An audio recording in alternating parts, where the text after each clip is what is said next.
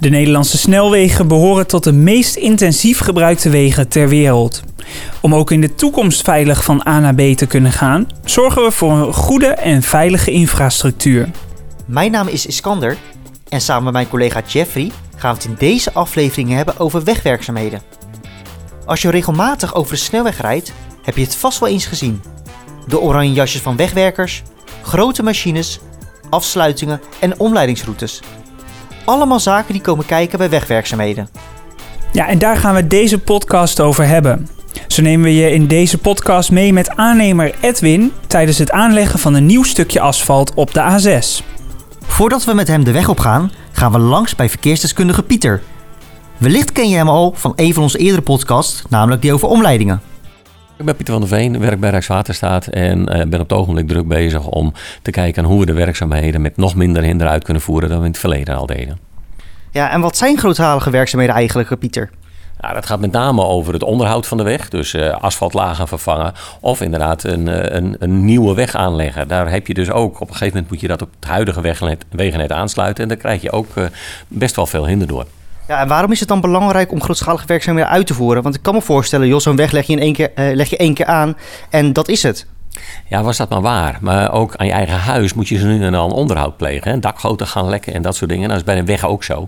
Dat asfalt, het heeft niet het eeuwige leven, maar het moet zo ongeveer gemiddeld genomen eens in de tien jaar moet die bovenste laag vernieuwd worden. Om te voorkomen dat er gaten in komen en dat de steentjes loslaten. Dus gewoon om die weg in goede staat te houden, heb je gewoon onderhoud nodig. Ja, en je hebt het al even over asfalt. Is, uh, als we praten over grootschalige werkzaamheden, hebben we het dan alleen over asfalt? Er komen er ook andere dingen bij kijken? Ja, eh, de portalen die over de weg eh, staan bijvoorbeeld, die hebben ook niet het eeuwige leven. En die moet je ze nu en dan moet je ze schilderen, conserveren of misschien soms wel vervangen zelfs. dus alles wat er op en langs die weg staat, dat moet onderhouden worden om het in goede staat te houden. Ja, dus zowel de borden die hier staan als bijvoorbeeld de vangrail. Ja, vangrail ook. Vangrail gaat overigens best lang mee hoor. Zolang er niemand tegenaan rijdt kun je dat uh, rustig uh, 25 jaar laten staan. Maar uh, ook dat heeft op een gegeven moment onderhoud nodig. En wat is dan het voordeel voor de weggebruiker als op het moment dat zo'n weg ja, helemaal weer goed is, in goede staat is? Ja, dan rijdt hij natuurlijk weer veel lekkerder. Je hebt geen kuilen meer. Uh, er komen geen steentjes uit los. En het is daardoor meteen ook weer een stuk veiliger op die weg. Je hebt ze wellicht wel eens langs de weg gezien, de wegwerkers. Achter de schermen worden voorbereidingen getroffen, maar als het zover is, gaan zij de weg op. Zo ook op de A6 bij Lelystad, waar wegwerkers druk bezig zijn om de huidige snelweg te verbreden. Ik uh, ben Edwin Vermeel en ik ben projectleider bij, bij Heijmans. Uh, grote projecten, centrale projecten. En op dit moment zijn wij op de A6 tussen uh, de afslag Lelystad Noord en de Ketelbrug. Hoe is het nou om op zo'n wagen te staan? Want dat warme asfalt, dat komt erop. Uh, nou, we hebben vandaag ook best wel een warme dag met uh, uh, ruim 20 graden. Hoe is dat om dat daar op te staan? Nou, kijk, op dit moment is het nog best wel fijn. Hè? 20 graden is er wel om te doen. We hebben hier een goede wind. Maar wij hebben ook wel eens zomers meegemaakt dat het nog warmer is. Ja, en dan met een, temp een temperatuur van 130 graden van het asfalt zelf. En daar nog eens bij in de buurt staan met een, een warmte boven je. Ja, dat is niet altijd even prettig. En dan proberen we ook aan de mensen zoveel mogelijk water uh, te geven. Hè. Dus, in de winter is het weer een voordeel natuurlijk als het wat kouder is, want dan komt de warmte je tegemoet. Op een positieve manier. Ja, dan warm je op van het asfalt, uh, zeg ja, maar. Ja, precies dat. Ja, precies dat. Nee, ja, dat is een beetje inherent aan het, uh, aan het werken met asfalt. Maar ja, die, die mensen die doen het echt met heel veel, heel veel passie en plezier. Dus die, ja, ze kunnen wel wat hebben. Maar wat maakt het nou zo leuk om op de weg te werken? Nou, het mooie eraan is, is uh, dan moet je eigenlijk het begin van het proces al uh, meemaken. Hè. Dus uh, wij komen hier aan, dan is de bestaande weg is een beetje oud geworden. En dan komen er heel veel mensen en machines komen eraan. Die zijn ontzettend druk met allerlei activiteiten. En aan het eind van de nacht, of in dit geval eind van het weekend, dan ligt daar een mooie zwarte nieuwe weg. En, en, en met die mooie strakke witte lijnen erop. Nou, als je dan terugkijkt en je kijkt over je schouders heen wat, wat, van wat heb ik vannacht gedaan, ja, dan ben je er wel een klein beetje trots op je werk. De aannemer voert de werkzaamheden uit, maar hoe weet Rijkswaterstaat dat alles volgens de boekjes gaat? En dat voor weggebruikers alles duidelijk is? Dat gebeurt door een auditor van Rijkswaterstaat. Een functie die je misschien helemaal niet kent, maar die wel erg belangrijk is. En om te horen waarom, gaan we langs bij auditor Bernie. Ik ben Bernie Habing, verkeersauditor bij Rijkswaterstaat. Ja, en wat houdt dat in, verkeersauditor? Uh, wij kijken naar uh, de veiligheid van onze, uh, onze wegennet. wij doen verkeersveiligheidsinspecties en inspecties bij verkeersmaatregelen, evenementen en bij incidenten. Ja, en wat betekent dat voor wegwerkzaamheden? Wij kijken bij wegwerkzaamheden naar eigenlijk drie hoofdpunten. Dat is veiligheid, doorstroming en publieksgerichtheid. En daar hangen een heleboel items onder. Ehm, en per item kijken wij inderdaad of het voldoet aan de regelgeving.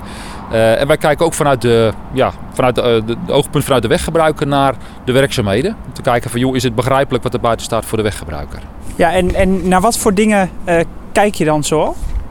Wij kijken of de afstanden kloppen. Er zijn heel veel richtlijnen uh, en, en, en, protocollen rondom uh, wegwerkzaamheden.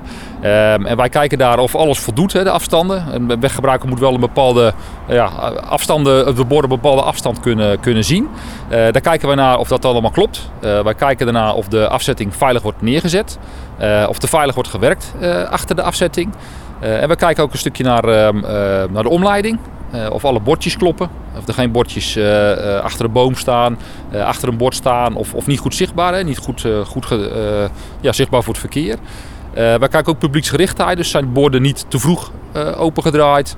Ehm, kloppen de letterhoogte op de bord, dus is een bord goed zichtbaar als je er met een bepaalde snelheid langs rijdt. Wat bedoel je met borden te vroeg opengedraaid? Nou, als de weg bijvoorbeeld om 9 uur dicht gaat, moet er niet een bordje om 7 uur al staan van joh, de weg is dicht, terwijl je er gewoon nog langs, langs kan rijden. Hij gaat de wegwerkzaamheden langs om te kijken of alles, uh, alles klopt. Dus de borden, de afzetting en uh, noem maar op. En hoe doe je dat precies? Nou, wij zitten met z'n tweeën in, uh, in de auto. Wij hebben een camera in de auto die alles opneemt en wij maken foto's. en als we het allemaal hebben opgenomen, gaan we daar een rapport van maken. En dat rapport bespreken wij met ja, intern Rijkswaterstaat, maar ook met de aannemer erbij. om daarvan te leren, zodat de volgende keer nog weer beter op de weg komt. Dus eigenlijk ben je gewoon een weggebruiker in dienst van Rijkswaterstaat die alles controleert, zoals ik het nu uh, begrijp? Zo zou je het kunnen, kunnen verwoorden, inderdaad. Ja. Ja, en soms krijgen we via Twitter door van joh, ik rij op de A4 en de A4 zou om 9 uur dicht zijn, maar het is nu 2 voor 9 en ik kan er al niet meer langs. Waar heeft dat mee te maken?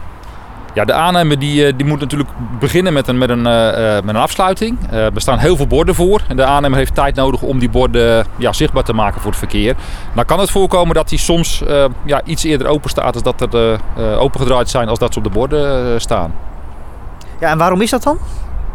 Dat is om op tijd inderdaad de echte afsluiting te hebben. Dus om 9 uur de, een weg afsluiten betekent dat je iets van tevoren begint inderdaad met het opdraaien van, of opendraaien van de bebording.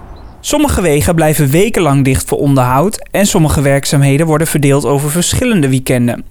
De A29 bij Willemstad was in april verschillende weekenden dicht, terwijl de A79 in het zuiden van Limburg een aantal weken dicht is voor onderhoud. Waar zit het verschil dan in? Voor het antwoord gaan we terug naar Pieter. Nou, het verschil zit met name in uh, hoe kun je het verkeer omleiden. En uh, de A79 is niet de meest drukke weg in het land. En, het, en daar zit ook een redelijke omleidingsroute in, hè, via de A2 en de 76.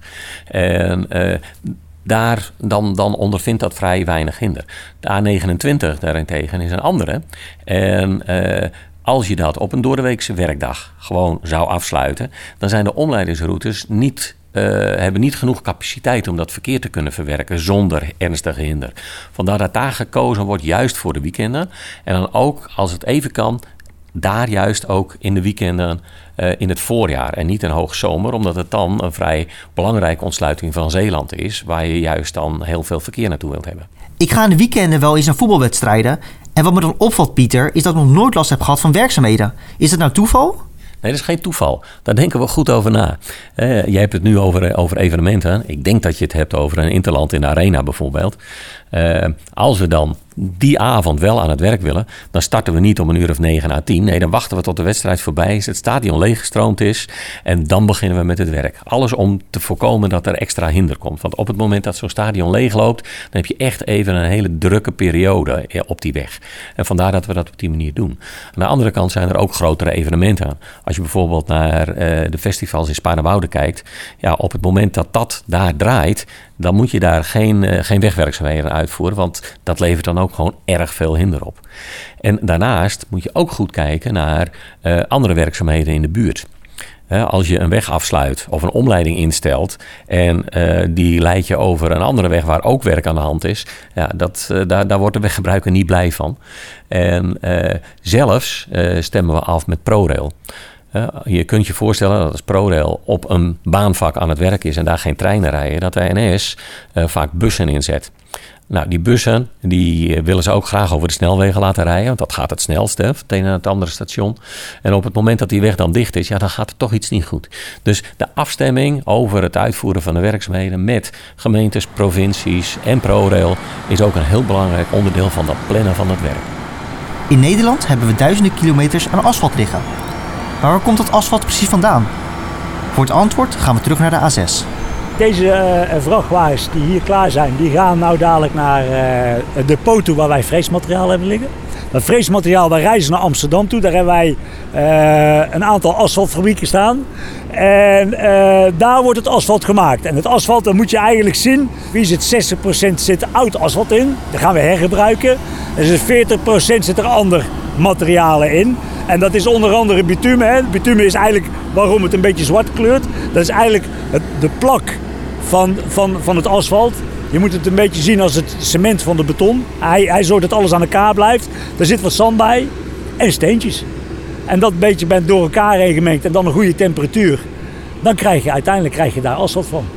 En wat ik zelf heel bijzonder vind, is dat uh, je hebt zo'n weg, maar het loopt eigenlijk eh, recht vooruit. Er zit geen één klein bochtje in of wat dan ook. En dan moet je ook met asfalteringswerkzaamheden rekening houden. Maar hoe komt het asfalt zo precies te liggen dat je net, dat, want ik sta hier eigenlijk in de buitenberm, dat het asfalt hier stopt. En, en gewoon in een rechte lijn. Nou ja, goed, wij hebben aan de voorkant zie je allemaal lijntjes staan. En binnen die lijntjes moet er geasfalteerd worden. Die lijntjes worden met GPS worden die uitgezet. Dus we hebben hier een heel klein karretje, om het zo maar te zeggen, met een spuitbus.